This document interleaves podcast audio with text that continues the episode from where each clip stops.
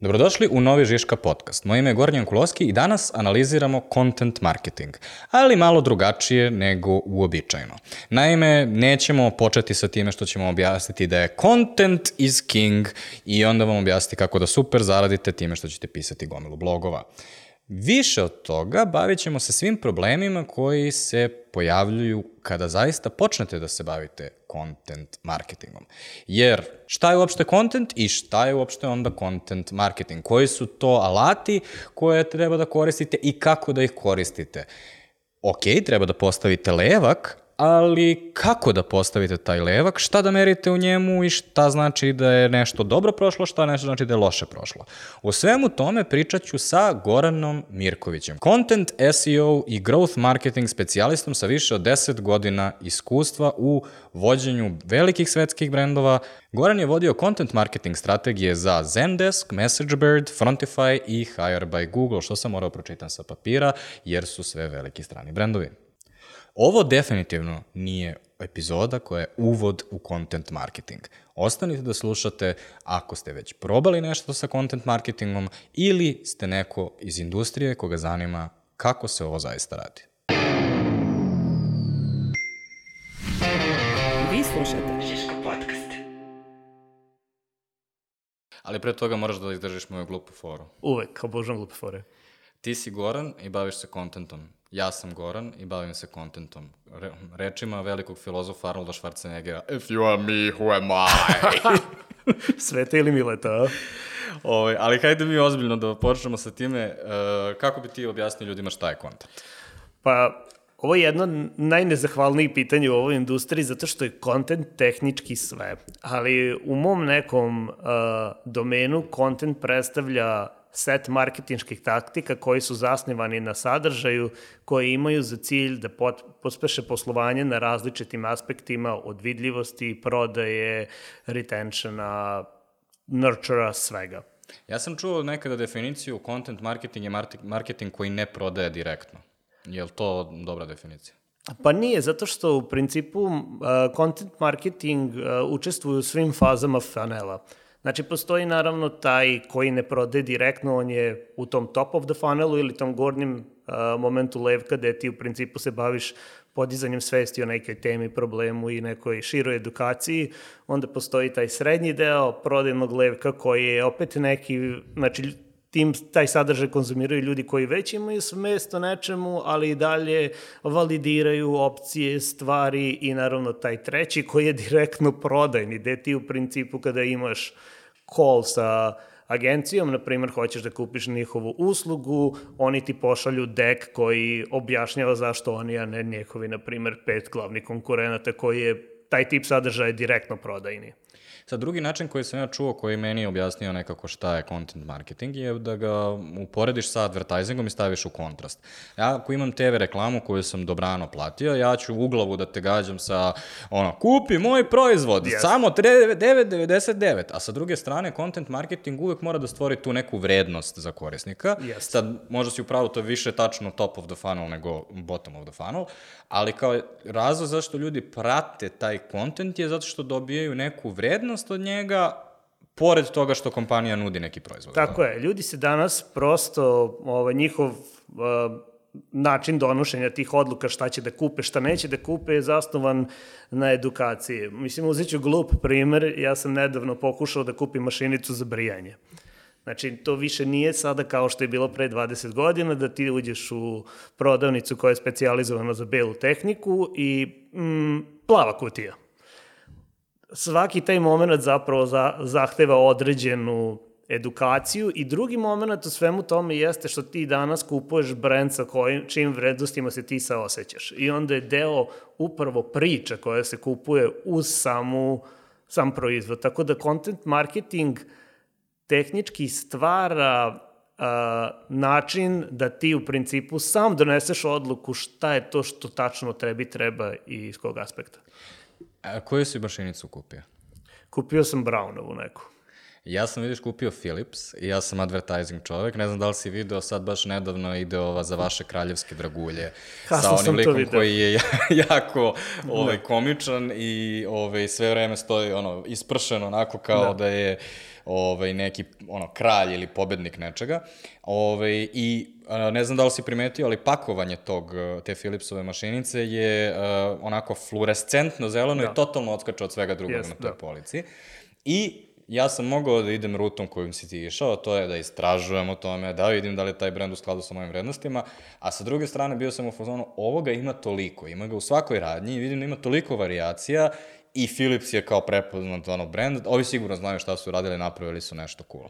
I onda je došao moj rođendan i moja žena mi je konačno kupila to. Pa vidi, na primjer, veoma interesantno, ja sam taj billboard prvi put video tako što mi ga je žena iz kola slikala i poslala mi je. Što u principu da, da je nisam prestigao, ja sam siguran da bi ona otišla i kupila, zato što, znaš, ta, na primjer, kampanja na određene ljude pozitivno reaguje. Ja bi ga 99% uzao da sam ga video na vreme. Ali e, to nije content marketing, je li tako? To bi bio Pa- klasičan advertising. Pa dobro, tehnički da, ali opet to je neki top of the funnel. Znači, ja bi stekao neku svest o nekom brendu i o nekom alatu i priča bi me određeno zaintrigirala, ali ne bi otišao i kupio, znači, konkretnu mašinicu bez da saznam da li ta mašinica dugotrajna, da li je slaba u svojoj klasi, da li postoji xy stvari kojima moram da se bavim da bi održavao. Znači, opet bi mi potrebna bila neka edukacija i onda, znaš, to je sve u principu jedan veliki komplet gde šta dolazi od toga, ne posmatram ja to odvojeno. Da, a razlog zašto te pitam je zato što uh, možda si čuo ovaj, content is king. Ovaj, I onda, da, i onda uh, kada ljudi to prodaju na taj način, uh, ja mislim da, da smo kreirali više konfuzije nego što smo kreirali rešenja ljudima.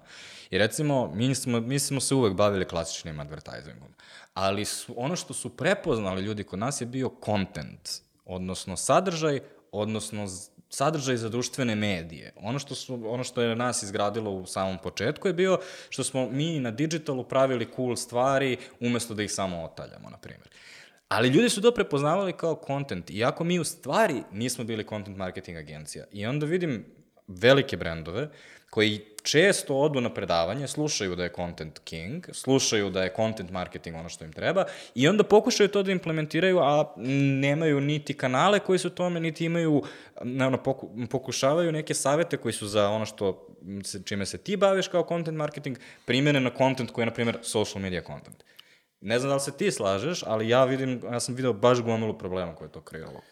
Pa ja se skoro slažem sa tobom, zato što nije uh, univerzalno rešenje za sve. Mislim, ja, ja, ja se bavim kontentom i ovo je nekako autogol sada što ću da kažem, ali, na primjer, imam dosta klijenata kojima i ja savetujem da ne ulažu u kontent, jer im, kom, jer im realno nije potreban.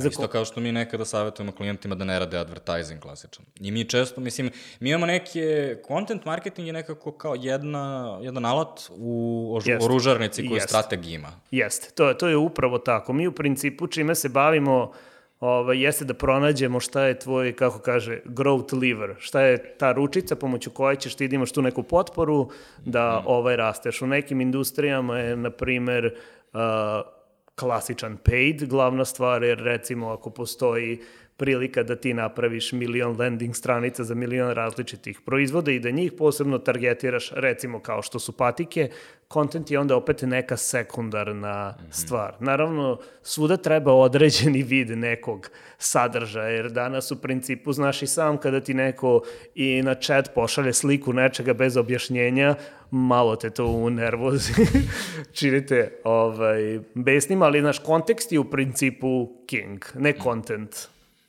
A, a još jedan način na koji sam nekada video koji je možda previše reduktivan, da ljudi opisuju content marketing je ne, i to ti isto što i native advertising. Ne blizu. Ali je li native advertising onda deo content marketinga ili može da bude deo? Može i ne mora. Mm -hmm. Mislim, native advertising, pošto ovaj, time sam se bavio neko vreme, on u principu je inkorporiranje određenih proizvoda ili usluga u brand, u recimo portale, kanale, stranice, tako da deluje organski, da ne deluje kao reklama. To je malo evoluiralo u poslednjih 10-15 godina, tako da native postaje nešto sasvim drugo i mnoge, mnoge Pa više- druge levele dobija na YouTube-u i tako tome. Da, nekako je postalo isto kao, opet sad što smo pričali, ono, content ili recimo i brand je još jedna stvar koja je Tako je. pitanje, sve je brand, ali da li ćeš graditi brand ili ćeš graditi prodaju je obično suprotstavljeno, ali ne uvek. Da. E tako je i sa native-om, nekako native je postao stvar koja označava koliko je nešto native, da li smatramo se to dobro uklopilo, nekako na, ono, da. primilo je to značenje, a native advertising obično ima ono, dobiješ blog na sajtu, tu piše da, ono, o tvom projektu i tako dalje, Da. košta toliko i toliko, Toliko, i da. ono, stoji u medija planu. E sad, Uh, dobro, ako ste preživjeli ovo, ovaj ostatak podcasta će imati malo manje brljanja po definicijama, a, ali ajde da ovaj, uzmemo drugu dosadnu stvar, a, istorija. Um, ovoliko konfuzije smo kreirali uh, sa pojavom tog content marketinga. Kada se pojavio content marketing? Content marketing se bukvalno pojavio pre stotinak godina i ja pravi primer koji sam našao je počeo od John Deere-a. Oni su imali magazin koji se zvao Furrow ili Brazda, gde su faktički pokušavali nekim sadržajem da dočaraju ljudima ne samo performanse svojih alata, već ceo, taj lifestyle od toga šta si ti, ko si ti, šta živiš kada imaš John Deere traktor i sličnu stvar. E, ali uh, zanimljivo je da, te, da je to prvi primjer, ja sam isto čuo da se navodi često kao jedan od prvih. Um, možda je i dobar da nas uputi gde je content marketing dobar, zato što je to bilo usmereno, taj časopis je bio usmeren na farmere, Na koji farmere. imaju veoma specifične potrebe Tako i je. kada imaš tako neku nišu koja nije, ono, nije opslužena recimo blicom, politikom i ne znam, ono, kao masovnim medijima, onda je dobro da napraviš neki content projekat koji možda je njih, ono, 1%, ali to je tvojih 1%. Od tih 1% 100% je tvoja ciljna grupa. Tako je, da. Znači što u principu uh, direktnije komuniciraš sa svojom ciljnom grupom, da oni u principu vide da ti razumeš njihove probleme i da im nudiš neke rešenja, to je naravno sve u principu bolje po tebe. Nekad to zahteva da praviš časopise koji su tog tipa, nekad je da definišeš čitavu novu kategoriju za neki proizvod, to u principu sve varira od tržišta i od toga šta ti i kome prodaješ. A, druga dva koja su možda najpoznatija ikada, prvi je Michelinov vodič. Ovaj, možda objasniš ljudima kako je nastao? Uh, ne znam za taj primjer, Ne iskreno. Ove, Michelin je shvatio u nekom trenutku da a, moraju da prodaju više guma. Jedan način je da nađu više ljudi koji mogu, mogu da prodaju Michelin gume, a drugi je da ljudi više troše svoje gume, odnosno da više koriste automobile. U to vreme Michelin je bio jedan od uh, na, ono, brendova koji je najviše prodavao guma, što znači ne isplati ti se da ideš protiv drugih, jer ono, teško ćeš tu namaći dodatni. I nji, oni su rešili da naprave kampanju koja će inspirisati ljude da što više putuju. I onda su izdali mape za grand tours, za veliki ono, kao da ideš svojim automobilom negde da se ono provedeš, a glavna stvar koju si tu tražio je bila da odeš u neki restoran. I tako su nastale Michelinove zvezde, odnosno kako gledaš na engleskom, mi ih zovemo Michelinove zvezde i završimo tu. Da. Ali u stvari na engleskom piše Michelin's Guide. To, je, to su ti nekada štampani vodiči koji su za ljude koji su bili ono, ovaj, eh, da, da idu negde na putovanje gde treba da stanu da dobro pojedu. A, Guinnessova knjiga rekorda, Pa da, to je, to je klasičan kontent. što je jako čudno jer je za pivo. Da. To je ono nešto što recimo kontra ovoga sa John Deerom što smo rekli, Da. jer kao šta im, ono, znaš, pivo je baš ono, svi muškarci, to ti je ciljna Da. grupa i dosta žena. Ali opet, ovaj, na primjer, zanimljivo je, ja sam u martu sada bio u Irskoj i proš, prošao sam kroz tu upravo destileriju Guinnessa i... Si dobio diplomu? Jesam, da. Imaš je na Instagramu. si naučio kako se... Ja sam kako ne, imaš na Instagramu. Ali to je još jedna marketing, marketinški trik. Ne znam, Naravno. jesi primetio ono kad ti kažu da moraš da sipaš na drugu stranu? da. Kao, ne, znači ovako je sa CO2, Da. a ovako je bez CO2 i moraš da sačekaš i tako dalje. I onda, trenutak kada su, kada sve to pada u vodu je, ali onda imaju limenke. Da. A onda kad su napravili limenku, onda su morali da stave onaj klikerčić Da, unutra da, koji da. ima rupu. Tako da, uh, da, ali na, nastavi za Guinnessovu knjigu rekorda. Pa ne, ali ovaj, upravo je zanimljivo, znaš šta ti sve u principu možeš da vežeš, da podigneš svest o nekom brendu i da generalno, na primer, evo sada u Irskoj Guinness je sponsor tih Six Nations uh, liga i znaš, na ceo način kako oni u principu prate i sad, pošto smo upravo bili u Irskoj za vreme Six Nationsa kad su igrali Irska i Engleska, znaš, tačno se vidi profil ljudi koji konzumira Guinness jer se Uh, što se kaže, ide im skroz uz fazon. da. Um, I sad, ovo su neki, ono, najveći koji su ljudima ovaj, uh, poznati, a da li imaš neki koji je tebi najdraži primer koji bi ljudima dao? Content marketinga. Pa meni je jedan od definitivno najdražih primera uh, Preko toga sam, na primjer, učio da se bavim SEO-om. Postoji čovek koji se zove Rand Fishkin, on je radio za kompaniju Moz. Oni su imali SEO alat. I sada, pored toga što su imali aktivan blog koji je bio prilično onako taktičan, znači oni ti rešavaju neke probleme od toga kako da praviš sadržaj koji se rangira, kako da praviš sadržaj koji akumulira ogroman broj ključnih reči, kako da radiš analizu kompetitora, sve je bilo kroz njihov alat. Ali, na primjer, taj čovek je svakog petka imao nešto što se zvalo Whiteboard Friday gde on stane ispred table i bukvalno razradi temu u roku 10 do 15 minuta koja je veoma edukativna. I sad, znaš, u principu ja tog čoveka ne poznajem, ali mogu slobodno reći da je on bio velikim delom zahvalan zašto sam uspio da napravim neke korake u svojoj karijeri. Ja sam sad slušajući te shvatio, da li je ovaj podcast content marketing za Žišku? Jeste, naravno. O moj Bože, ja sam Goran i ja se bavim kontentom. ok, ovo će baš da bude ovaj epizoda da se konstantno obrćemo. Ali, eh, hteo sam da te pitam jednu stvar. Da li smatraš da je content prevaziđena reč? Eh, da. Postoji ceo taj, uh, ono, ta ideja da ljudi koji se bave content marketingom više ne vole reč content, zbog toga što sugeriše da je to rupa medijska koju moraš da popuniš nečime i jako puno tih ono, formata i kreativa je u stvari bilo formulaično, reciklirano i generalno loše. Jeste, da, u principu, znaš, kada kreneš da trpaš etiketu na, neš, na sve i svašta, u principu sam oblik kontenta se i izgubi. Znači, danas se može nazvati kontentom bukvalno sve od nalepnice do ono kao bumper sticker, do teksta od 3000 reči na temu bušotina u, u, u ono Iranu i nekim alatima koje koristiš za to. Znači, u principu jako je nedefinisano i sada mi kada radimo i strategije i sarađujemo s ljudima, mi u principu više imamo te takozvane definisane uh, oblike kontenta i njih koristimo i onda u principu približnije Kako znamo... Kako se kaže na engleskom? Vidim da prevodiš u glavi. Pa pričamo thought leadership, hub and spokes i tako. Objasni ljudima šta su te stvari. Ajde, šta je thought leadership? Znači, to je kao, e, recimo, ja sam video thought leadership jako često kao, to je sad isto zaživelo malo više van content marketinga kao ideja. Uh, I onda jako često imaš ono, da, naši seniori će nešto da napišu i onda dobiješ onako, ali kao ko će da napiše i kao moraš nešto da, moraš zaista da pomeriš, moraš da budeš lider u Tako tom je. thotu da bi to bio Da, tekst. to je u principu oblik content marketinga gde, gde mi pokušavamo da pozicioniramo određeni brand kao lidera u industriji time što ćemo neke inovativne ideje ili inovativna shvatanja na određene stvari u industriji, što se kaže highlightovati, ja se svidio zbog ovog poluengleskog, i u principu tako ih istaći da oni imaju neki potpuno drugačiji pristup svemu tome i da dublje poznaju materiju od većine. E sada, naravno, taj tip je e, e, ekstremno zahtevan koji se radi na tome da se intervjuišu uglavnom C-leveli kompanijama, s njima se, na primer, definišu teme ili mi kao agencija tražimo promptove na koji će oni da odgovore, znači pratim tržišta, recimo desilo se nova neka regulativa u insurance ili u čemu god i oni u principu treba da odgovore ljudima koji nisu na tom nivou, zašto je to dobro, loše po njih, da u principu doprinesu konverzaciji.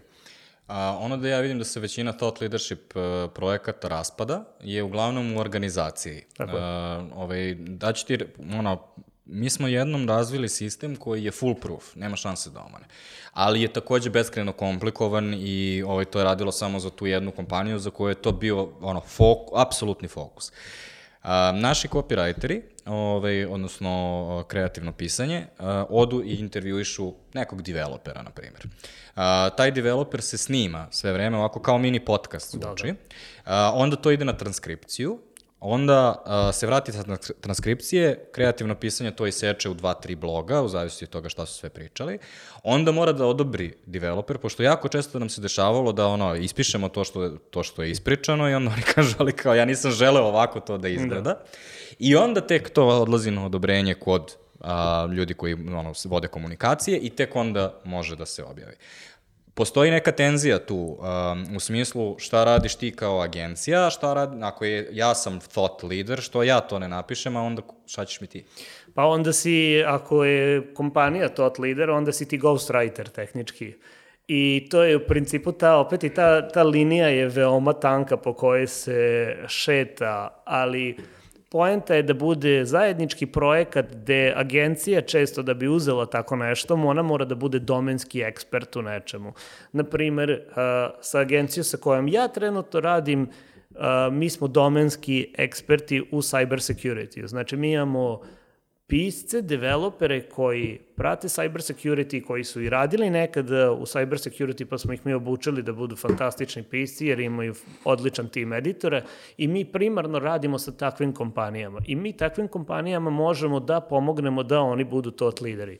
Naravno, isti tim je nemoguće primeniti sada da dobijem klijenta koji se bavi mhm. nekim, recimo, građevinom ili tako nekim uh, Da li je to razlog zašto si ti dosta svoje karijere posvetio stranim tržištima gde možeš, da ima, gde možeš ti da okupiš dovoljno cyber security firmi kao agencija, jer recimo da mi to pokušamo u Srbiji da realizujemo, mogli, ne, nemam ni pojma iskreno da li bismo našli dve ili tri, da. ali razumeš kao, da li je potrebno, ono, da li zbog toga content marketing je, barem koliko ja vidim ovako sa strane, je nešto što se uglavnom radi za strana tržišta. Jeste, da. U principu mi klijente koje imamo su uglavnom uh, globalno orijentisani i trenutno šta zaista radi u tržištu je upravo taj uh, fokus na vertikali ili na nišu. I u principu prave se specializovane firme koje odgovaraju specializovanim potrebama uh, određenih kompanija. Naprimjer, ovak firma je funkcioniše tako što je fokusirana na DevSec, uh, cyber security u principu te, nazvaćemo ih deep tech firme, dok, na primjer, u prethodnoj agenciji naši glavni klijenti su bili startupi serija B, serija C i VC fondovi. Mm -hmm.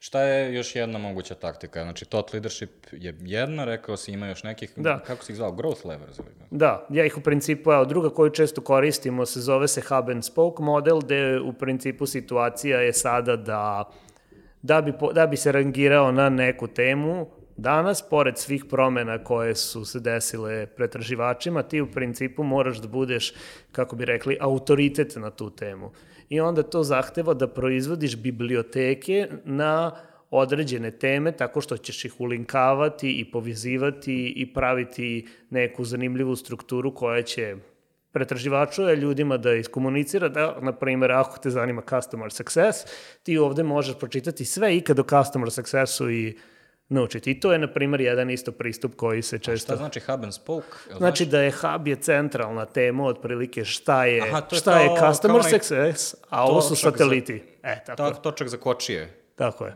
Aha, dobro, da. okej. Okay.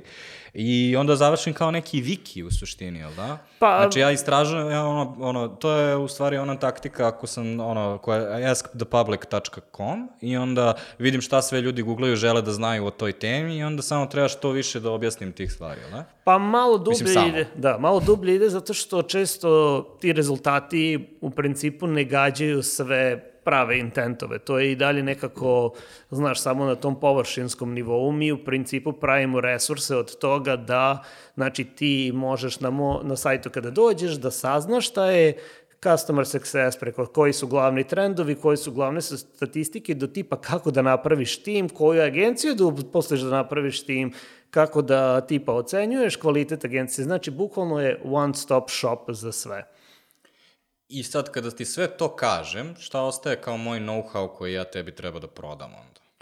Pa upravo taj ceo support, jer sve se u pozadini provlači indirektno kroz alat koji je platforma. Jer, na primer, ovo je konkretna priča za Zendesk, koja je koji je jedna od stvari koje oni pokrivaju je customer support i onda oni u principu nude knowledge kako ti da budeš uh, bolji u svom poslu, ali pozadinski te uče kako to da radiš samo kroz njihovu platformu.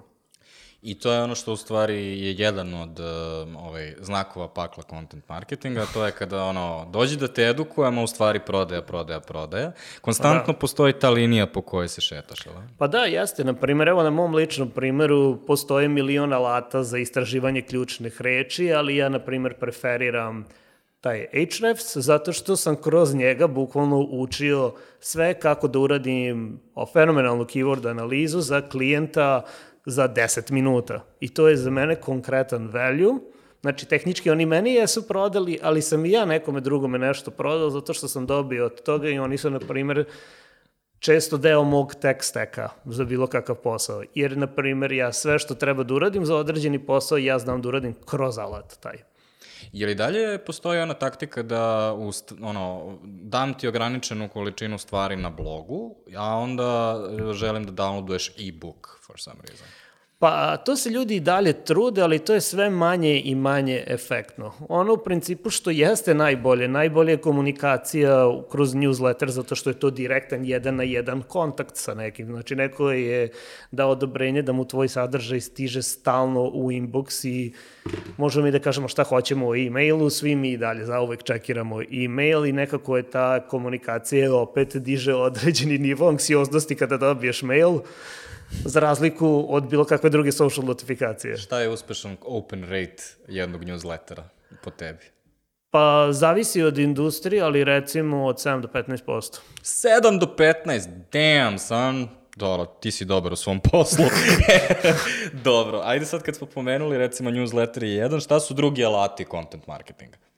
Alati su bukvalno sve, od svih mogućih komu, kanala komunikacije gde možeš doći do, do nekog korisnika. Ja bukvalno smatram da content marketing nije isključivo vezan za online, u principu sve se direktno vezuje za to gde možeš da dođeš do nekog. Naprimer, imao sam klijenta koji je većinsku ovaj, prodaju pravio kroz Slack dedicated kanal koji je napravio i on je vezan, na primer, za povezivanje content marketara sa freelancerima i onda je to počeo da im naplaćuje i da im radi i oglase i napravio je cel, celu platformu. Znači, u principu treba naći kanal koji je tvoj publici native ali svuda može biti. A, sećam se, pre neku godinu je pozorištance Puž a, osvojilo nagradu za content projekat za a, Viber grupu. Ove, ali na toj Viber grupi, to je bilo tokom korone, ne, ne zaboravio sam sad šta je tačno bilo, ali koristili su tu Viber grupu praktično da animiraju roditelje i da, jeste bio content pristup. Druga stvar, recimo, koja se potegla, ja sam ovo imao sa kolegama iz žirija, koji su se pitale da li ovo treba da bude u kategoriji content marketing, a to su ljudi koji su napravili 200 Instagram postova. Smešnih. Da. Na jednu temu. Je li jeste content, nije content? Jeste content, jer u principu uh, ti faktički koristiš kanal da iskomuniciraš nešto. To, taj kanal često je blog, pogotovo u nekom B2B SaaS svetu, ali ovaj, mi isto koristimo platforme kao što su social media. Ako je neki proizvod koji je vizualno atraktivan, na primer, šta sam sad radio sa nekim francuskim brendom Fotorum, oni imaju nekog AI editora koji ti u principu samo oprema slike. Taj proizvod je, na primer, vizualan i on može da radi na platformama koje su vizualne. A da li je content marketing samo dokle god je organik? Znači, ako ja uzmem i sponzorišem pet od tih 200 Instagram postova i oni imaju 5000 lajkova, a ostali imaju 20, jer nikom nije briga, je li to onda content marketing? Pa ja mislim da jeste, zato što ti u principu uh, distribucije je i dalje deo priče. Mislim, naš ljudi često uh, stavljaju tu percepciju kao ja sam sada napisao sadržaj koji je brutalan, može biti tipa, ne znam, stvarno može biti fenomenal, ali ako ga niko ne vidi, to je bezvredno. Ali opet imaš i sadržaje, na primjer, mi smo imali sadržaje koji su pročitali 30 ljudi, ali taj sadržaj imao dve konverzije enterprise Možda da klijenata. ispričaš što je meni bio jako fascinantan case. To je bilo u Content Insightsu, ali tako kad si targetirao uh, glavni odgovorni urednike određenih časopisa. Da, u principu uh, deo te strategije je bio da mi iskoristimo tog našeg star klijenta, Kristofera, koji je bio urednik u Sudojče Zeitung. Sudojče Zeitung je, za ljudi koji ne znaju, jedan veoma cenjen medij u Nemačkoj. Oni su izvalili čitavu priču Panama Papersa i u principu je vrlo bilo lako za pretpostaviti da će, na primjer, takav sadržaj imati neki uticaj po biznisa, neće imati neku komercijalnu veliku vidljivost.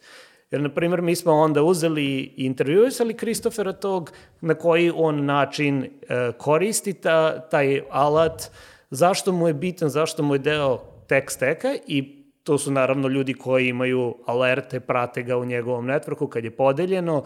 Oni su otišli i uzeli trial, uh, alata, to jest na kraju su ga i kupili, zato što 90% njih teži da bude su, su Deutsche Zeitung.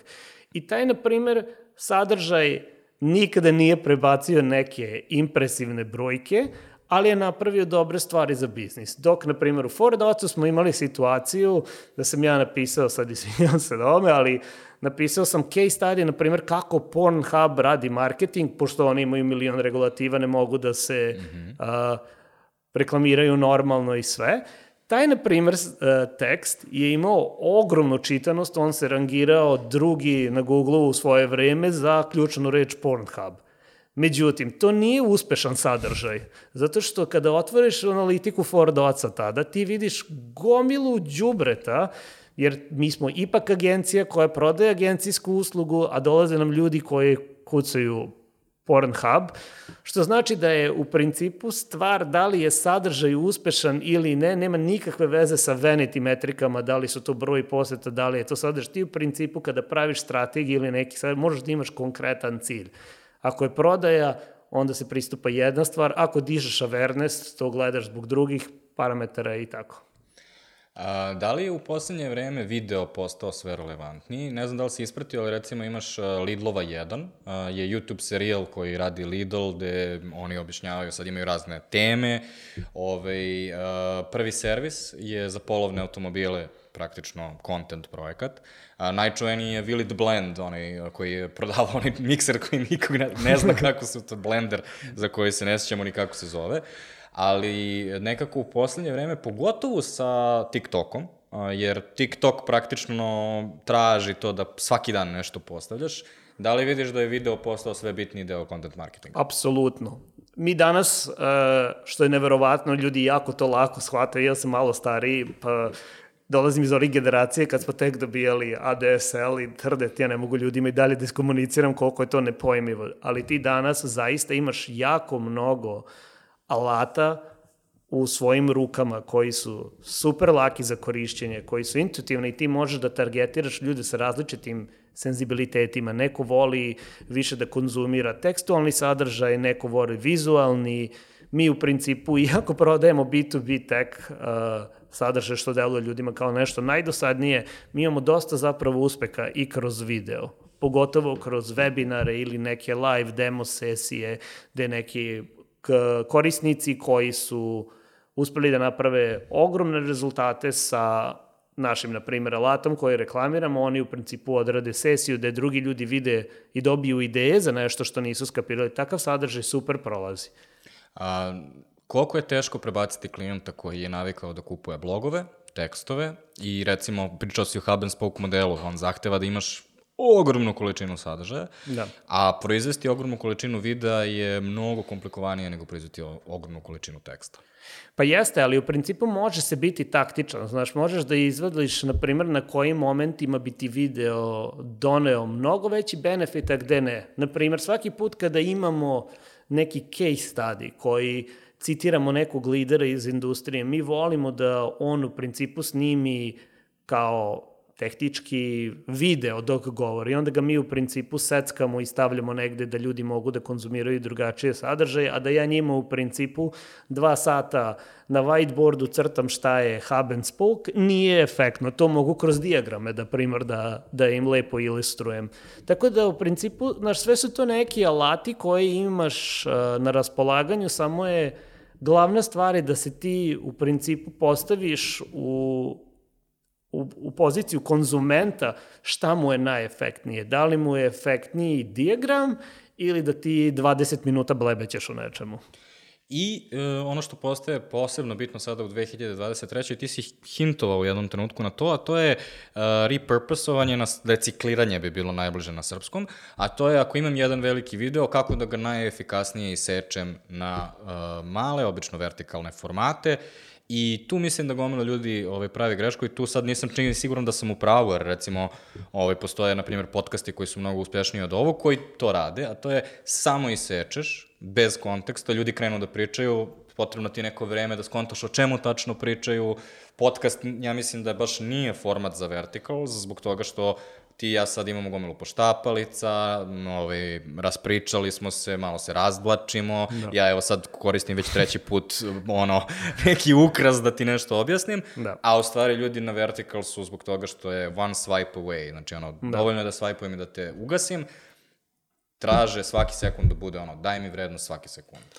Pa da, mislim, reciklaža je fenomenalna stvar. E, jako puno ljudi, pogotovo s kojima radimo webinare, mi u principu pravimo propratne tekstualne sadržaje koji su neki native za određene platforme kao što su na primer LinkedIn, a drugi su pretvoreni u konkretne blogove, jer mi u principu možemo da uradimo opet jedan taktički sadržaj koji odgovara da li na ključnu reč ili na pain point i da u taj tekst od istog webinara stavimo quote nekog s kime smo pričali i ti u principu šta od jednog eseta dobiješ milion koji tehnički rade za tebe. I mnogi ljudi, na primjer, šta isto propuštaju kao priliku uh, agencije, SaaS firme, drugi kompanije, oni sede na moru sadržaja koji postoji godinama i truli na njihovom blogu i samom tom nekom higijenom da updateuju tekstove sa novim informacijama, da obrišu sve što je i relevantno mogu da učine jako velike stvari za svoj brand. Mi smo imali ogromnog uspeha, verovo ili ne, samo delitovanjem sadržaja na kompanijskom, na, na klijentovom sajtu. A um, kada, kada dođeš ti i ono, isprezentuješ svoju strategiju i ljudi vide, ja, bit će super vide i sve bude ludilo.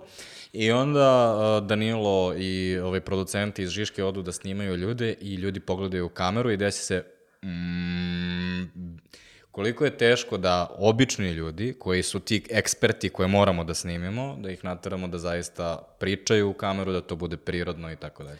Jako je zapravo teško i... Znaš, ne, ne, pogledaj ovde u kameru i reci to. Jako je teško. Borimo se svaki dan. Ne, da. u principu stvarno, ovaj, mnogi ljudi, pogotovo koji su malo neka tehnička lica, koji ne dolaže sa nekih društvenih fakulteta ili ne imaju tako neke biznise, oni su u principu veoma zatvoreni i zahteva stvarno pro nivo navigacije i čupanja informacija od njih. I to, i to često se jako bira. Naprimjer, mi, mi često nećemo ni intervjuisati neko ko je iako je ekstremist ekspert, ako u principu nije sposoban da iznese priču. Nažalost, um, pošto je kroz tvoju stolicu prošlo sad već nekih 130 ljudi u ovom konceptu podcasta, ja nisam vidio jednu osobu koja ne reaguje na to da se kamera upalila. Recimo, moje glupe fore sa početka su tu da bi razbile da. ovaj, tvoju tremu. Odnosno, nisam ja u fazonu da ljudi koji dolaze u podcast su tremaroši. Da, da. Nego je prirodno da u trenutku nekako promeni se vazduh u prostoriji i u trenutku kada kamera krene da snima, ljudi su počeli da pričaju drugačije, drugačije se ono ovaj, sve da. dešava. I onda je to veliki izazov kada, kada radiš video advertising. Ali hteo sam takođe da te pitam, uh, da li si ikada video dobar infografik?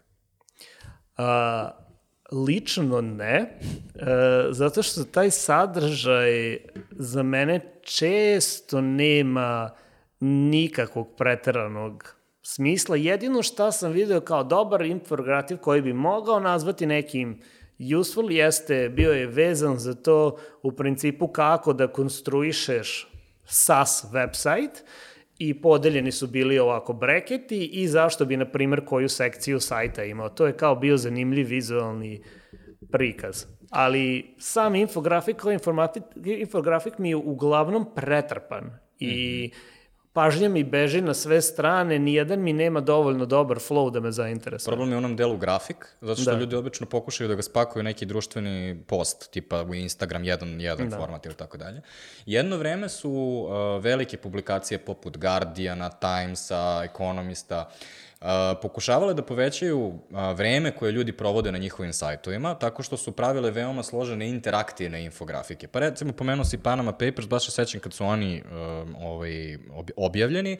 Na Guardianovom sajtu je bilo onako, mogo si bukvalno da klikćeš i onda kao ovde smo našli ovo, pa onda ovo je otišlo u Italiju, to je sad otišlo u Evropu, ovo je otišlo u US. I ti onda klikneš, pa onda otvori ti Evropu, pa možeš da vidiš malo više o tome i tako dalje.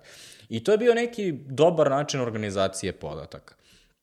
Ono što je problem je, neko je izašao na konferenciju, rekao je ljudima da su infografici najbolja stvar ikada i onda svi pokušavaju da naprave infografike bez toga da imaju informacije koje zaslužuju infografik. Tako je. U principu, taj sadržaj često bude pretrpan, jer ove, ovaj, ljudi bukvalno pokušavaju ceo blog post od hiljada i po reči da naguraju u sliku. To se vrlo često dešava. Ili da ilustruju neku uh, informaciju koja prosto nije niti dovoljno jaka, niti dovoljno pretarano zanimljiva. U principu treba birati stvari. Drugi, eto, baš kad si spomenuo Guardian, jedan od, na primjer, meni zanimljivih infografika je bio tipa stablo uh, Vinzora kako će se razvijati kada, ne znam, Charles, jel? Šta? da. Legne da spava, duže. Da. Elem, um, ovo je jedna stvar koju sam um, ovaj, mapirao u poslednje vreme i ne mogu baš da uh, skontam koliko je do uh, videa, a koliko je do content marketinga, a to je da postoji sve više ličnih brendova. Ti danas ako ovaj, pogledaš ono, svi mi koji imamo marketing agenciju imamo neke svoje projekte gde se nešto kreveljimo u kameru, I to je delom to zato što je video postao sve veći, pa onda ako želiš da imaš bilo kakvu pažnju danas, moraš da ono, izađeš na TikTok ili da snimaš podcaste ili nešto slično. Ali takođe u samom content marketingu postoji malo toga, ako ja tebi treba da verujem, ako ja treba da verujem tebi da ti imaš neki know-how, onda si ti kao direktor neke kompanije daleko bolje mesto da se potpišeš nego da se potpiše kompanija. Tako je. Jer naš ljudi su u principu navikli da kupuju od ljudi. I ako ti u principu negde imaš taj logo koji igra ogromnu ulogu i sve, jako puno ljudi je napravilo ozbiljne biznise uh, time što su se ta, te, tehnički samo promovisali, izlagali, uzet ćemo najbanalniji primer Tim Robinsa i uh, Ovaj, Gary V? Gary V. Nije... Gary V od sebe napravio mit. Čovek radi 16 sati dnevno, ovaj, svi u njegovoj kompaniji ga snimaju do besvesti, da. ovaj, reciklira svoj sadržaj, mora da snima svaki dan i tako dalje, a onda je uspeo da uhvati par dobrih talasa i takođe se zeznuo par puta, pa recimo bio je veoma veliki zagovornik NFT-eva kad su bili, pa da. onda sad zbog toga malo opao popularnosti i tako dalje. Alex Hormozi bi bio sad nedavni primjer, ne znam da li znaš za njega. Ne.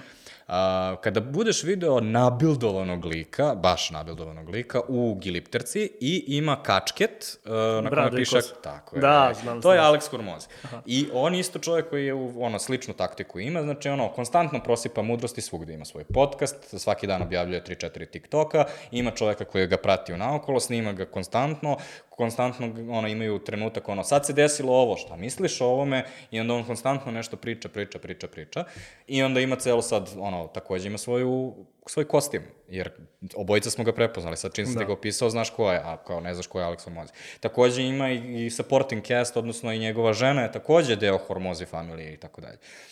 I sve to je sada, ono, doda, dobijamo neki novi a, period kada se nekako i linija između ličnosti i brendova nekako sve je manje jasna, jer Jesi ti u podcastu kod Gorana ili si u podcastu Žiškinom podcastu? Kao šta, I šta je tačno razlika između ta dva? Mislim da se samo ovaj, ono što je stvar koja se često dešava i koja je neosporna u marketingu jeste da se konstantno više traži. Da šta ti sve moraš da radiš da bi zadržao pažnju, izgradio poverenje, prevazilazi u momente da se bukvalno intima deli, ne samo u kompanije, već da ti malte ne znaš uh, gde koji čovek iz koje kompanije kupuje, da li kupuje, ne znam, u Whole Foods, ako ne kupuje, zašto ne kupuje, da li on ima neke jako su to, šta voziš, da li si ti društveno odgovoran, da li nisi, u principu jako je velika slika u pitanju sada vezano za sve čime se, čime se bavimo i to postaje, postaje neodrživo.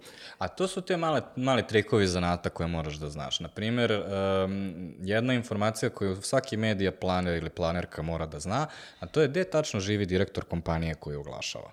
I onda sasvim slučajno se malo više billboarda kampanje nađe na putu od kuće do posla ovaj, generalnog direktora, jer tako osiguravaš da sigurno će direktor biti u fazonu svugde sam video kampanju, odlično ste odradili i tako dalje. Jer čak i, zbog, a čak i ako svi to znamo i ti direktori to znaju, ipak smo svi ljudi i ne možemo baš da se otrgnemo tome. I suprotno je tačno, ako prođeš od kuće do posla i ne vidiš ni jedan billboard, onda ćeš malo biti u fazonu, dobro, šta radimo? Da. Um, hajde pokušamo sada, ovo mislim da će biti velika vrednost koju donosimo ovim podcastom. Trrr. ovaj, kako ja kao brand znam da li mi treba content marketing ili ne? Daću ti evo jednu stvar koju sam ja skontao. FMCG brendovima, odnosno brendovima koji se kupuju u samoposluzi, generalno manje treba content marketing nego drugima. Slažeš se? Slažem se. To je bilo brzo, hvala.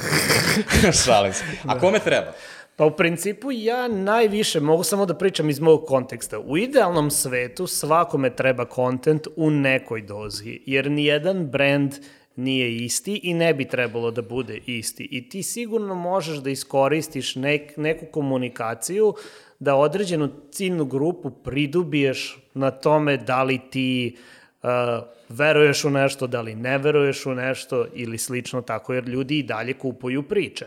E sada, ja uglavnom preporučujem kontent, bar ovaj tip kontenta koji ja radim ljudima koji prodaju biznisima ili koji imaju neke kompleksne proizvode koji zahtevaju elaboraciju, e, e, zahtevaju dizanje svesti svih vrednosti koje nose. Zahtevaju komunikaciju, na primer, zašto su napredili nešto, kako su napredili nešto, jer većina ideja nisu u potpunosti inventivne, svi u principu sa salati se bave unapređivanjem nekog procesa ili rešavanjem nekog problema. I sad taj problem je nekad vezan za kompletno nepostojanje tehnologije ili tehnološkog rešenja u određenom tržištu do tipa ej, znam da mrziš Google analitiku zato što ima cookie i to, mi smo napravili nešto van toga.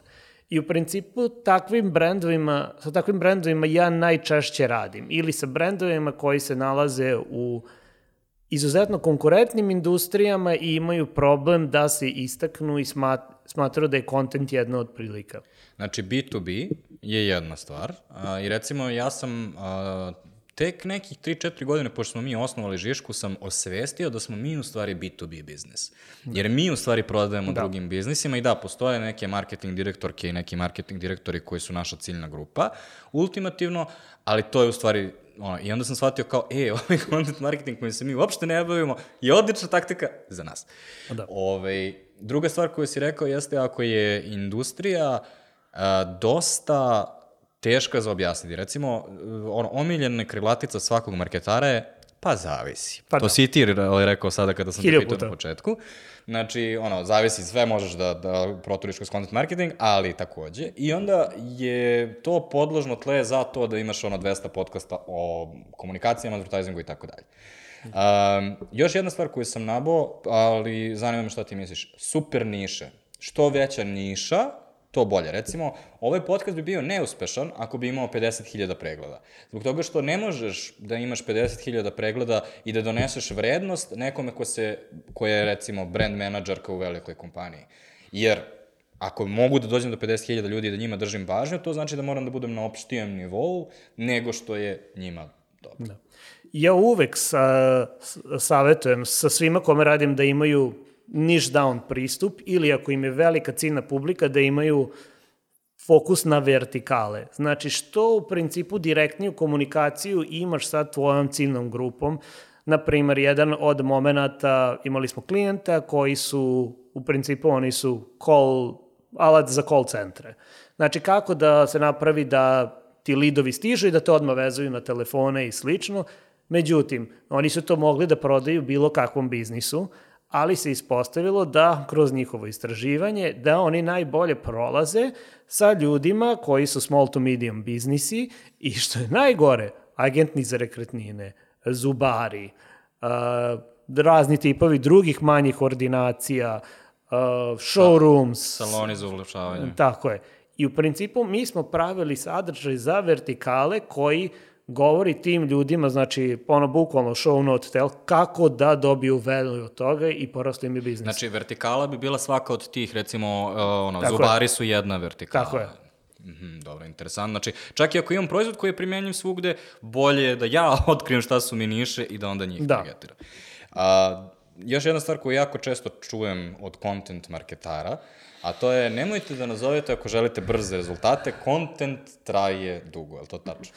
Pa ne, e, zavisi kakav tip kontenta. Ne znam da li sam ti e, delio, ali na primjer mi, e, ja kad sam radio za tu Animals agenciju, imao sam klijenta, oni se zovu Frontify i oni su neki brand management alat. I sada njihov cilj je bio da podignu konverzije.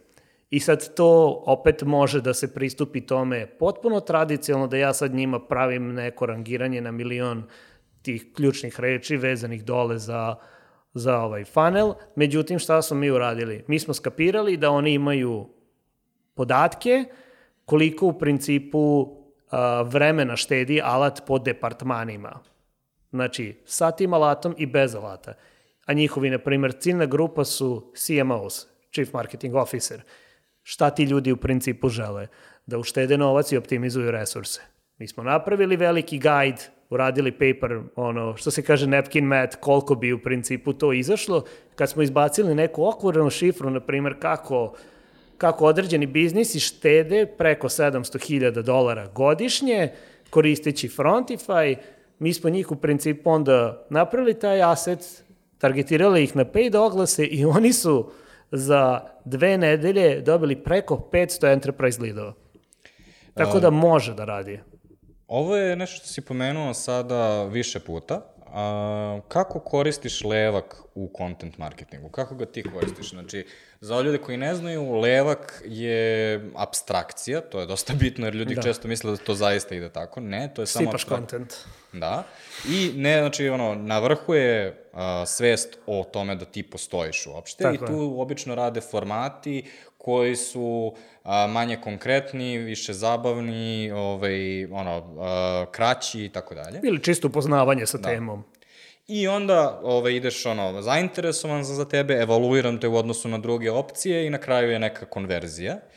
Uh, I to sad, ovo, dobacili smo do one-on-one, odnosno osnova. A sad mi reci šta ti uradiš kada priđeš nekom novom biznisu, kako koristiš levak? Pa ja u principu uh, prvo odradim čitavu analizu biznisa i tome kako oni ostvaraju lidove, kako zatvaraju lidove, gde ih zatvaraju, gde ih ne zatvaraju, koji su im konkretni sales, objections. Ja u principu pričam sa celom organizacijom koja je okrenuta mušterijama. I u tome ja dobijam informacije gde su konkretne rupe. Znači da, da mi, na primer, sales ljudi govore da mi često gubimo klijente u ovom i ovom domenu zato što pretpostavljam ne odgovore nam na ponudu, zato što ponuda nije dovoljno konkretna ili kompetitor je uradio bolji, ovaj, bolji posao da iznese vrednost. I ja u principu tražim prilike, što smo opet vraćamo se growth levers, gde bi dodatni resursi, dodatna edukacija klijenata, dodatni sadržaj, dodatne reklame, dodatni pritisak zapravo pomogao da se te rupe popune. A koliko je u tom trenutku bitno da postoji dobra dokumentacija celog procesa? I recimo ja sam često bio u situacijama u kojoj uh, marketing tim odradi ceo marketing levak. Međutim, marketing levak je tek kraj. Posle toga postoji nešto što je dodatni levak, a to je šta se dešava sa svim tim lidovima koje marketing isporuči salesu. I onda ono što sam ja zaključio je kada pitaš ljude iz salesa, oni će jako često reći ono što ih najviše nervira, a ne ono što je obavezno će im doneti da. najveću konverziju. Pa da, na primjer, ja- jako dobar primer, sad ne znam kol, koliko se ispratio, ali ja se u posljednjih uh, godinu dana bavim i salesom, ali za content marketing agencije. Zato što su sve content marketing agencije s kojima sam ja pričao imale problem u vezi salesa, jer osobe prosto nisu dovoljno iskusne u samom poslu, jer njega, jer sales poziv sa marketinškom agencijom, pogotovo našeg nekog tipa, je u stvari free konsultantska sesija. I oni imaju neki cilj i sada ti u principu treba da skapiraš da li, oni, da li im to stvarno treba, jer se menja konverzacija, bar ja pokušavam da je menjam o tome, znači sa, ono, treba mi pet tekstova, do to šta ti želiš da postigneš. Jer tipa ti ako želiš da narasteš 40%, kao u nekom domenu, recimo u organskim ključnim rečima, ti to verovatno za pet tekstova ne možeš. I u principu, a, upravo to, znaš, često se dešava da su ljudi na nekim pozicijama koje su veoma bitne, onako generalnijeg iskustva i potrebna je dodatna edukacija ili neko da se faktički naraste u tu ulogu. I onda veliki problem moj je što kada radim sa kompanijama koje nemaju taj tip dokumentacije, ja uglavnom produžim ugovor na 3-4 meseca da ja sedim na pozivima i sa customer successom i sa salesom i u principu i onda ih upoznaju me sa mušterijama da ih ja intervjuišem i tako. Kada postaviš levak i recimo da imaš sve informacije, šta su neke cifre koje tebi govore da negde postoji problem? Recimo, ako ono, imaš ono, konverziju, da, recimo imaš click-through rate sa određenog dela, ako padne ispod, na primjer, 1%, je li to crvena zastavica za tebe ili kako ti gledaš te brojeve? Pa ja u principu za, za start, pošto većina ljudi me zove da podignem prodaju, ja u principu vidim koji je flow lidova uh -huh. i koliko je od toga procentualna realizacija. Ako, Šta to znači? Šta je flow leadova? znači, koji broj, broj ljudi kao lidova ulazi u kompaniju? Recimo 70, 100. Re, recimo 70. Završa se od toga, toga u proseku mesečno pet. To je problem. Znači, to je dosta para koja ostaje negde na stolu ili se prebacuje nekog. I sada, to može biti iz hiljadu razloga. Može biti iz razloga da prosto kompanija dobija upite za nešto što ne rade i onda treba da se to neko registruje da bi im razvili dodatnu uslugu ili departman ili nešto u usluzi što može da odgovori na to da se promoni komunikacija do momenta da su produkti preskupi i onda mi u principu radimo sa inženjerima i raznim ljudima da oborimo faktički cenu nama i tako. Ali još jedan razlog što može se desiti je zato što sam ti poslao loše lidove i onda postoji i ta kvalifikacija Da, koja se naravno. zove kvalifikovan lid. Da, da, da, naravno.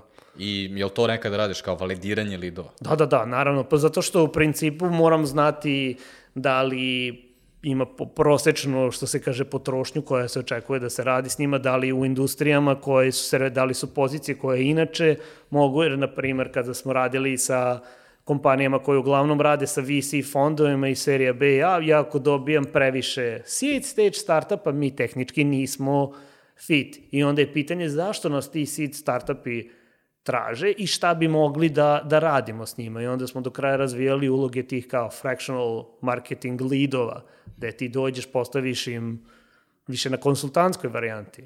A kako su tvoje iskustva sa onom taktikom da svaki lead atributujem nekom delu u levku i onda mogu da zaključim, aha, li- lidovi koji su mi došli, na primjer, sa Facebook forme su jako loši, lidovi koji su mi došli sa newslettera su skupi, ali dobri i tako dalje.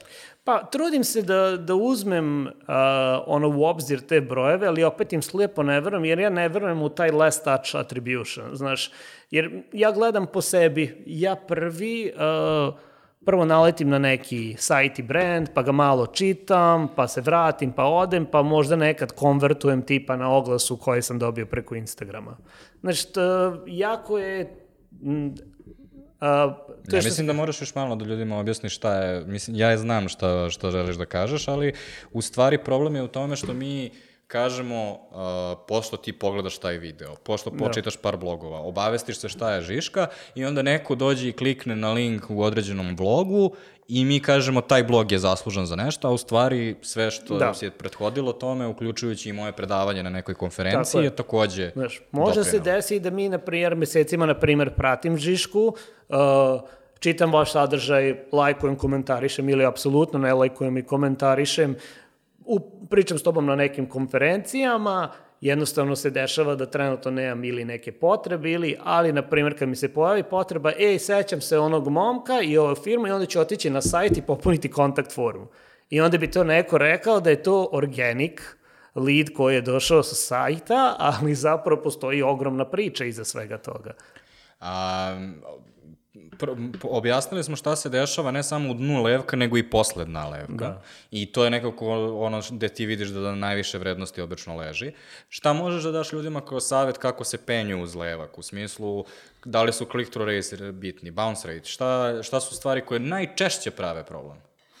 Pa najčešće prave problem zato što sama navigacija ne, ne, nije dobro postavljena da čovek se uvlači dublje u temu.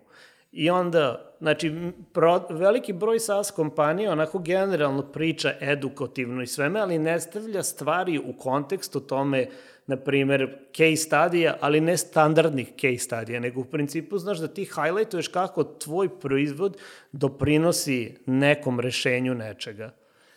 Uh, I kad, da li je bitno da postavim customer lifetime value, da znam koliko mi vredi kada ja dovučem nekoga i onda da postavim nešto što se zove customer acquisition cost, odnosno CAC, i da onda oduzmem ta dva i da znam da u slučaju da sam pozitivan da treba da nastavim sa svojom kampanjom ili da, na nekom mediju. Koliko to koristiš? Pa zavisi, na primjer, sa kojim, kojim biznisom radim. Na primjer, kada radim sa agencijama, ne, zato što se dešavalo hiljadu puta da, na primjer, i velike kompanije s kojima smo radili kao Shopify, što si, znaš, ono, gledaš, to je u principu mi njih kako dobijemo, radit ćemo s njima 100 godina, ali, na primjer, njihov leadership je Uh, oni se jako klade na, na mnoge stvari i onda kada, na primjer, zaškripi za novac, oni oceku celu glavu jednoj vertikali, jednom departmanu.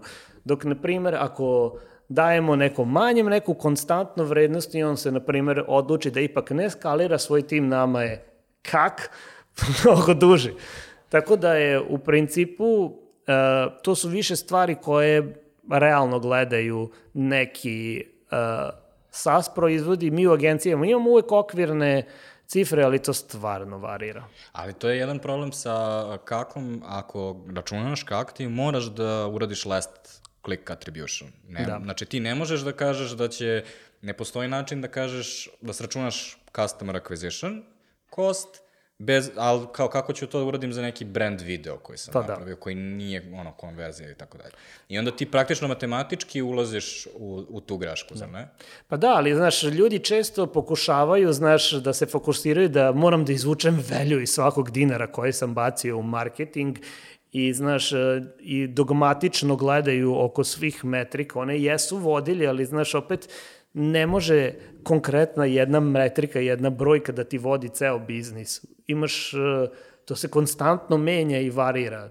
Znaš, neki ljudi, e, nekima se menja i kako, u zavisnosti od toga šta se dešava na tržištu, od kompetitora, Uh, da li toga se... da li je uskrs, ljudi su da. otišli, ono, ne, ne, nisu pri računarima, ako su business to business, neće doneti nikakvu odluku. Da, neće sigurno kupiti SAS proizvod na Thanksgivingu, posle petog piva.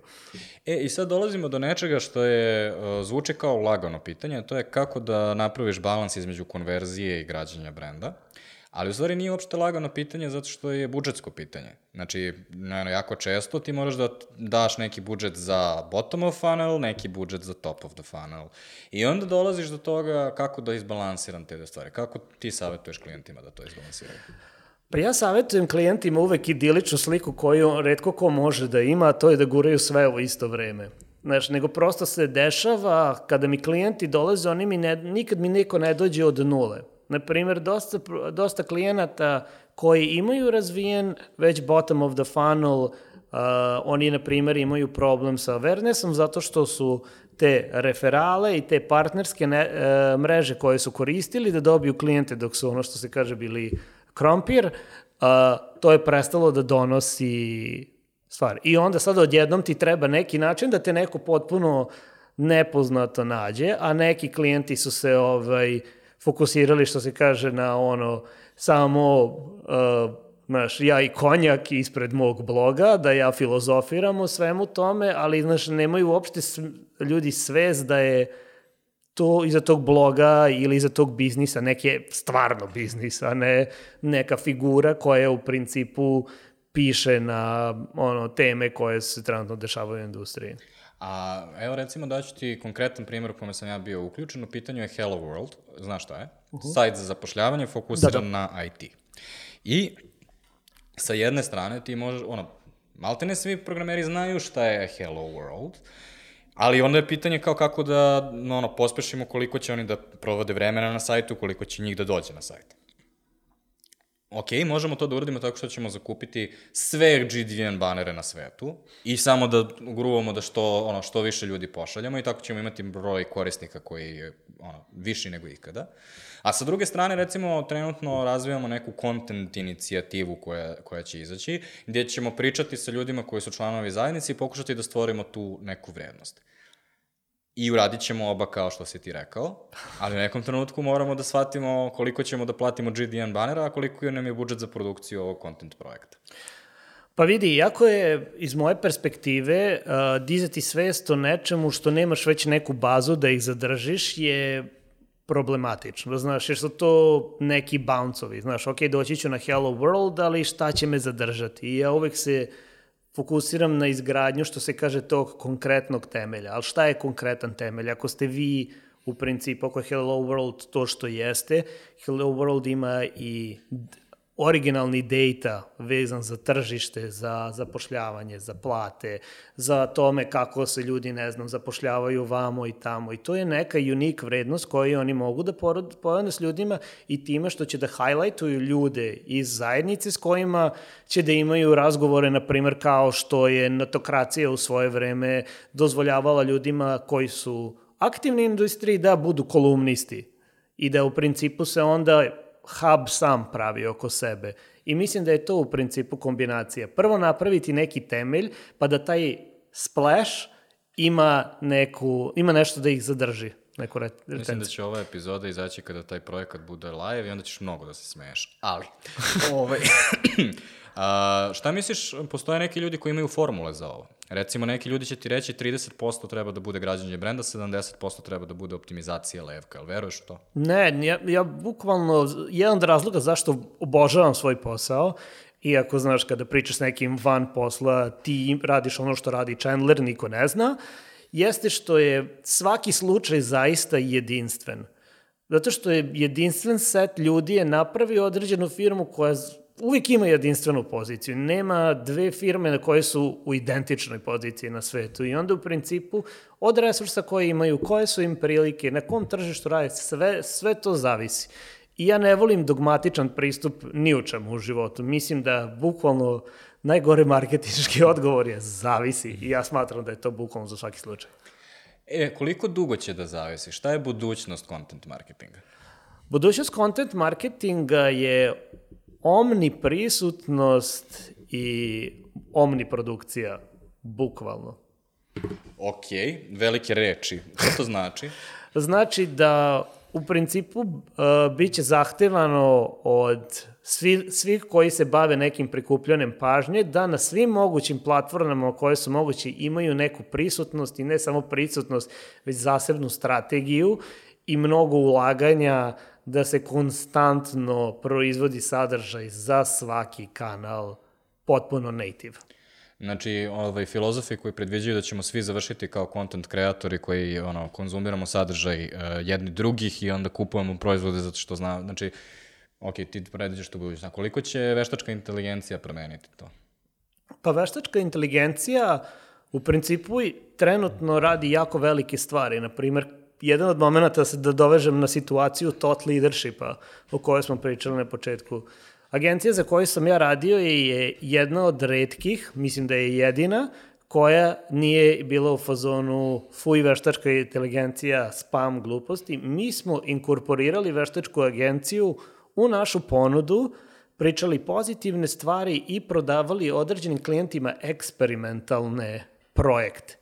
Ja iskreno kao neko ko je vodio klijente kroz AI i prodavao AI raznim klijentima, pogotovo u e-commerce svetu, ja smatram da je to da je to nešto što te ne može zameniti, ali može da amplifikuje tvoj uticaj, tvoje skillove i da ti pomogne da bolje i brže radiš. Jer ja, na primjer, ne koristim veštačku inteligenciju za finalni proizvod, ali je po, koristim za stvari od toga da ne, gleda, ne krenem od blank page-a, da u principu mnogim ljudima koje znam, koje, na primjer, imaju neku komunikaciju sa klijentima, a engleski im nije najbolji, koriste i za proofreading i za razne stvari. To u principu uh, ima svoje prednosti i naš, najbolje će proći oni koje nauče da koriste kako treba. Jedna od stvari koje je ovaj, alat uh, content marketinga, uh, i ti si je pomenuo, ali nismo je obradili, je SEO. A, da li će uh, prelazak na uh, pretragu koju vodi veštačka inteligencija, kao što Google ima sa Bardom, da li će to da uništi SEO? Zbog A, toga što ja ne klikćem da odem na sajt koji si ti napisao, da vidim šta piše, nego veštačka inteligencija uzima to što si napisao i onda meni servira krajnju stvar. Pa ne, zato što u principu uh, neke stvari neće biti digestivne tog tipa da ti ono što se kaže vidiš u predraživaču, za neke stvari ćeš i morati da klikneš, ali marketing, pogotovo ovog mog tipa, sve više vuče na taj, mi to zovemo zero click marketing, da ti u principu ljudima daješ native content u native platformama zato što te sve platforme sve više i više ograničavaju na to da, da šalju saobraćaj tebi, već da ti u principu praviš saobraćaj na njihovim platformama, ali opet tvoj ishod je uvek, i tvoj ishod nije bolji e, SEO, tvoj ishod je bolji biznis, više para, više mušterija. I A... samo se pravila igre menjaju. A što se tiče tog zero click e, marketinga, kao s jedne strane jeste tačno da te platforme ograničavaju, ali takođe i naše navike su se promenile ja sam postao razmaženo đubre. Znači, ja hoću da dok ja scrollam TikTokom, da ti dođeš da mi sve to lepo sažvaćeš i da mi daš ono poentu samo u 30 sekundi, jer nema duže od 30 sekundi. Tako je. Ja sam postao razmaženo đubre koje zaista mrzi da čita. Znači, ako ti sad, znaš oni long read, sećaš se long readsa? Kao, koliko su ljudi, ono, da, da li si ti promenio svoj, ono, a, kako se kaže, media consumption? Pa u, neko, u neku ruku da, ali, na primer, gledam, znaš, iz okruženja sa, sa ljudima s kojima radim u raznim uh, sferama i svi imamo različite stvari koje volimo. Na primer, dosta ljudi je sad počelo da koristi TikTok kao primarnu platformu i ja sad opet govorim da se to, znaš, da bi ti bio da, uspešan u narednih pet godina, ti bukvalno moraš biti omniprisutan. I tvoj sadržaj mora biti native za svaku platformu uh, Tako da ljudi, jer ljudi imamo, mi sad imamo toliko izbora i toliko mogućnosti da biramo način na koji ćemo da konzumiramo informaciju, da to je prezilazi svake granice. A šta je tvoje iskustvo sa korišćenjem veštačke inteligencije za generisanje sadržaja? A, zbog toga što ja sam pokušao to da uradim više puta. I mrzim je koliko me nervira kada vidim, ja mogu da, pre, ono, ja mogu da provalim, da nanjušim, ja ne znam da li je to čovek ili je mašina, ali ja mrzim taj stil pisanja. Da, bez da. obzira da li to piše mašina ili čovek. Daću ti primjer. A, ovaj, moj poslednji blog koji sam objavio na Žiška blogu je po, ovaj, stalni oglas za posao management projekata. On počinje rečenicom koja budala u sred recesije otvara stalni oglas za posao. To je način na koji ja tebi stavljam do znanja mnoge stvari. Prvo, privlačim ti pažnju, to nije ona običan način da počinje blog. Drugo, odmah ti kažem kao u kom smo mi fazonu, šta da. je naš vibe u kancelariji, ti već znaš da ja nemam preko 40 godina da. i tako dalje. Mnoge stvari sam iskomunicirao tom prvom rečenicom. Tipična stvar koja mi uvek vrati veštačka inteligencija je, pa mogli biste da istražujete o vašoj konkurenciji, dođete do uvida koji su bitni, onda iskoristite uvide da kreirate sadržaj i na kraju izmerite uspešnost tog sadržaja i onda ćete imati dobru marketičku kampanju. Da, to je ono, bukvalno ono što se uči na prvoj godini marketinga na fonu. Kao, što je tvoj osjećaj? Jesi ga koristio? Jesi ga ono, pukao? Jesam, pa evo ti, na primer, dve konkretne primene. Znači, mi smo imali klijenta koji je bio u e-commerce-u i on u principu, pošto, jel, znaš kako to ide, oni moraju da imaju 10.000 različitih stranica. E sada, pošto su to stranice vezane za ključne reči i mi želimo da ubrzamo proces, ono što možeš da uradiš je da kažeš za ovaj sajt, ovo je, na primer, prompt, za ovaj sajt staviš link, hoću da napišem tekst na ovu ključnu reč, naša ciljna grupa je ta i ta, prema top 10 rezultata koji se rangiraju za ovu ključnu reč, koje stvari predlažeš da moraju da budu deo outline-a? Znači, šta su podnaslovi koje bi trebali? To ne uzmeš dogmatično, ali opet ne počinješ od nule. I to, na primjer, da. super radi i za sales imamo dosta sales ljudi koji nisu native content pisci. Oni... E, to je meni isto, isto jako dobro zbog toga što me tera da a, ne promašim stvari. Tako. Jer ovaj, ono, meni se jako često dešava zbog tog načina na koje pišem, raspišem ja ceo blog, sve super, jedino što nisam rekao ljudima kako se prijave. To mi se stvarno jednom desilo. I kao, ono, za to mi je ono, veštačka inteligencija da. odlična, zato što će mi dati tih 10 stvari koje ono, ne smem da... Da, da znaš, ne moraš dogma... Mislim, ti i dalje da bi je koristio, moraš biti ekspert u svom domenu. Na primjer, znaš, ja to ne mogu da uradim ako ne znam produkt, uh, može da mi pomogne da mi ubrza stvari mnogo, jer znaš, to kad kreneš od praznog papira, to može da bude svašta i ništa, ali ovaj, za mnoge stvari i opet naš vezano za prodaju, ljudi koji, na primer, targetiraju preko maila nekog ili preko LinkedIna, ti možeš da ubaciš hej, hoću ovoj osobi link, razumeš, prodajem joj to i to, zbog toga i toga, napravi mi copy maila, daj mi 10 primjera. I oni to u principu iskoriste i bude personalizovan mail, tehnički. Sa malim editom. A, da li te ubrzava? Mene mnogo. A, da li to znači da će biti manje ljudi koji imaju juniorske pozicije, ali ja ću pretpostaviti da veliki strate kao što si ti dođe, vas postavi filozofiju i onda pusti nekim juniorima da, da bave ono što mi kažemo često pešadiju. Ali da li će oni onda imati poslove i šta će oni raditi? Pa ja mislim da će i njihovi poslovi važiti od toga koliko se oni posvete edukaciji i korišćenju tog alata. Naprimjer, ako, ako žele da uče kako da koriste uh, ovakve tipove alata, moje preporuke su da zaprate Copy AI i Writerov blog. Oni ljudi stvarno, bukvalno u newsletteru, šalju u inbox direktno potencijalne promptove koje možeš da koristiš da bi dobio efektivnije rezultate, ali znaš, uh, mislim da će biti neophodno i za juniora da zna da koristi alat, jer, na primer, gledanosti na, na resursima same agencije, mi smo za nekad, za te pare koje smo ljudima proizvodili, znači 100% human generated content, to jest ljudi koji su ga pisali, to su, mi smo za paketu koji su tipa četiri teksta, po istoj ceni smo im prodavali 20, korišćeni kroz AI. Mm. A e, koliko misliš da e, je šansa da se desi jedno kompletno urušavanje content industrije? Ovaj, zbog toga što ako će svi da prodaju 20 i onda će uzbrzo da postaju, da, ono, postaju 100 i onda ćemo samo da preplavimo internet gomilom sadržaja. Pa ne samo obavezno i tekstualnog sadržaja, nego sada mogu da generišem i glas, mogu da generišem i sliku, mogu tebe da skeniram pa da generišem tvoju sliku kako priča nešto na TikToku. Yes. I onda odjednom zagušim TikTok sa ono milionima klonova Gorana Mirkovića koji pričaju o kontentu haotično, ali ovaj, desit će se u principu slična stvar, sigurno, I zbog toga, znaš, se vraćamo na tu omni prisutnost. Onda će se ljudi opet da se vezuje za to, ej, ja ću pratim ovog momka, ne mogu još da izvolim da li je ekspert, ali, znaš, ima on neku svoju frizuru, neku minđušu, neku karijernu kolonu, je to zanimljivo. Mm. Znaš, i ka, prvo će se kretati dalje tim nekim senzibilitetom, doći će stvari druge koje su realno manje bitne do nekog momenta, jer ti i dalje ćeš da konzumiraš, jer mi smo baždareni na konzumaciju svog mogućeg tipa, ali će se u moru previše informacije neki možda ne toliko intelektualni i strogo taktički pristupi, na primjer, isplivati o tome da li, znaš, kada upalim slušat ću podcast Žiška zato što ne priča neki smarač, nego neko ko se koristi jezikom kao i ja, što se koristim i ono ima reference koje su meni slične.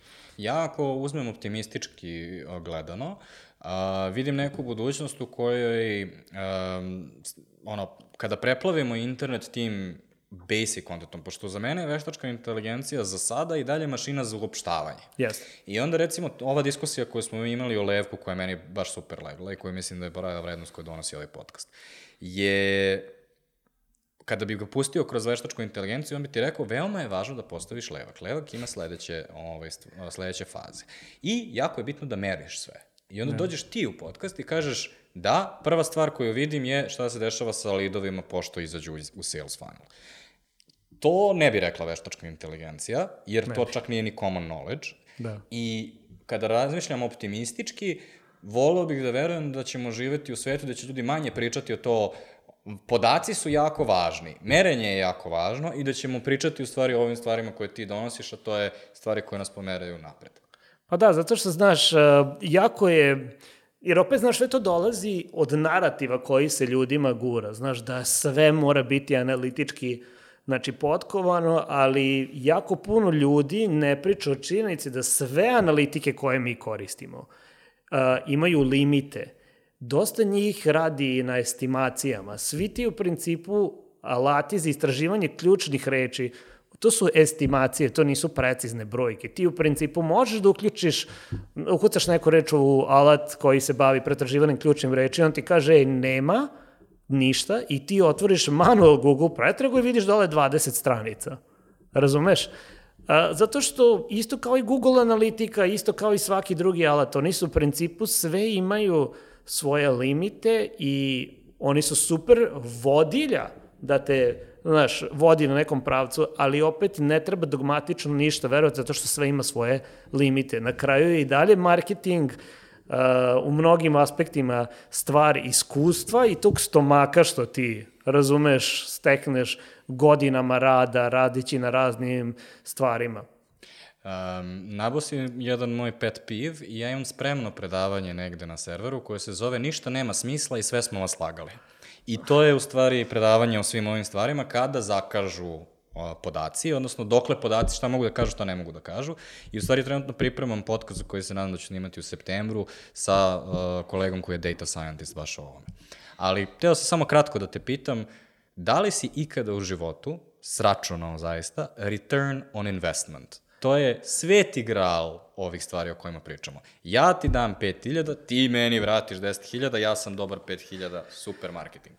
Pa jesam, i to baš samo na primjeru ovog Frontify-a, jer smo ovaj, imali naš jako je specifičan slučaj. Ja sam to radio na hiljadu različitih varijanti, pa nije bilo takvih rezultata, ali ovde je bilo konkretno. Oni su dali 5000 eura za kampanju, to je dolara, a, dobili su taj broj lidova, od kojih su zatvorili tri, potpisani su ugori na, go, na godišnjem nivou odma i on u principu zna koji mu je return of investment.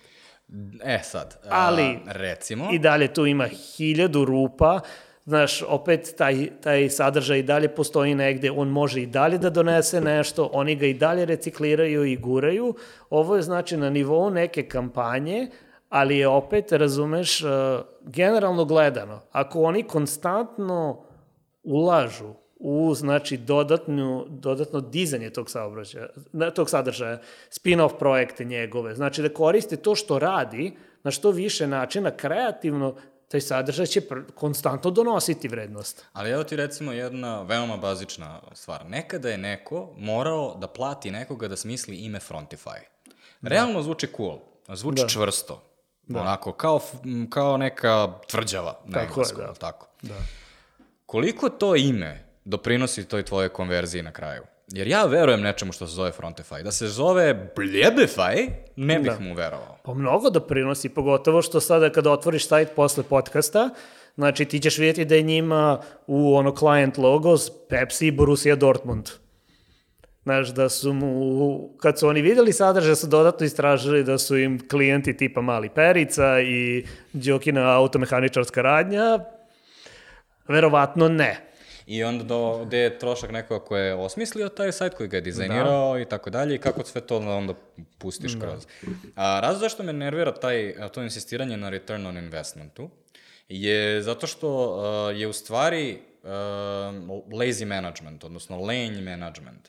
Kada bih ja mogao da nateram svakoga oko mene, da sračuna koliko ću ja povrata dobiti na svaku investiciju, ja ne bih morao ništa da menadžujem. Sve što ima plus, Tako ja odobrim. I Tako to je. super je. Pa da. A da je, ono, sve što je tako, u stvari postaje op, veoma operativno i onda ne postaje diskusija kao radimo te stvari koje su siguran dobitak, ali ono čime se mi u stvari bavimo u marketingu i u content marketingu jeste stvari koje su ipak neka vrsta rizika, neka vrsta pretpostavke, kreativnog rada praktično. Pa ceo život je tehnički rizik. Mislim, moj dolazak vozom srpskim je dovde bio ogroman rizik.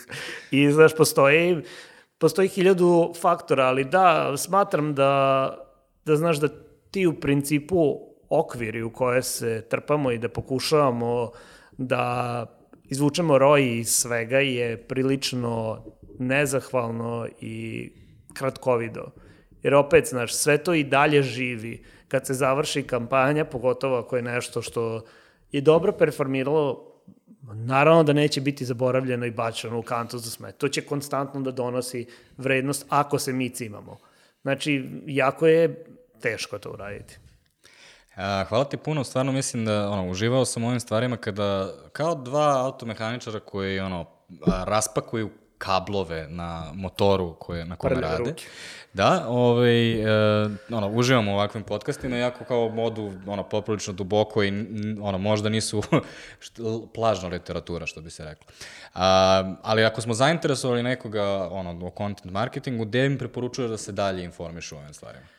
Pa imamo zaista milion varijanti, pogotovo ako želite da učite uh, B2B content marketing, ako vam je to neka želja, ako hoćete da se bavite nekim sličnim poslom kao što se ja bavim, predlažem vam opet taj Megabot blog gde ljudi u principu pričaju o svemu, od toga kako se proizvodi sadržaj da bi se od njega dobilo XYZ do pravljenja strategije za specifične biznise kao što su cyber security biznise, preporučujem Animalsov blog gde možete da učite o thought leadership kontentu i raznim taktikama i strategijama koje možete primeniti za vaše biznise i jednu knjigu koju bih želeo da preporučim za kraj je, zove se Good Strategy, Bad Strategy, meni je ekstremno mnogo pomoglo u poslu, tako da, eto, to je toliko od mene.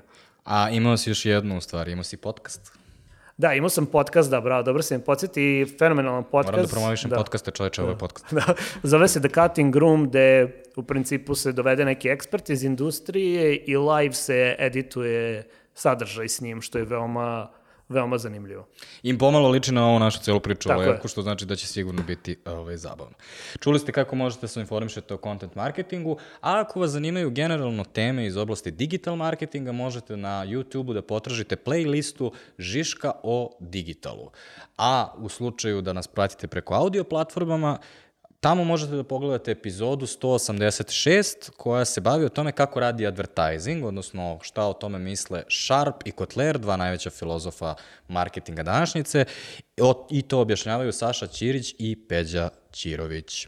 A, želim vam do slušanja, pošto podcaste niko ne gleda. Vi slušate Žiško.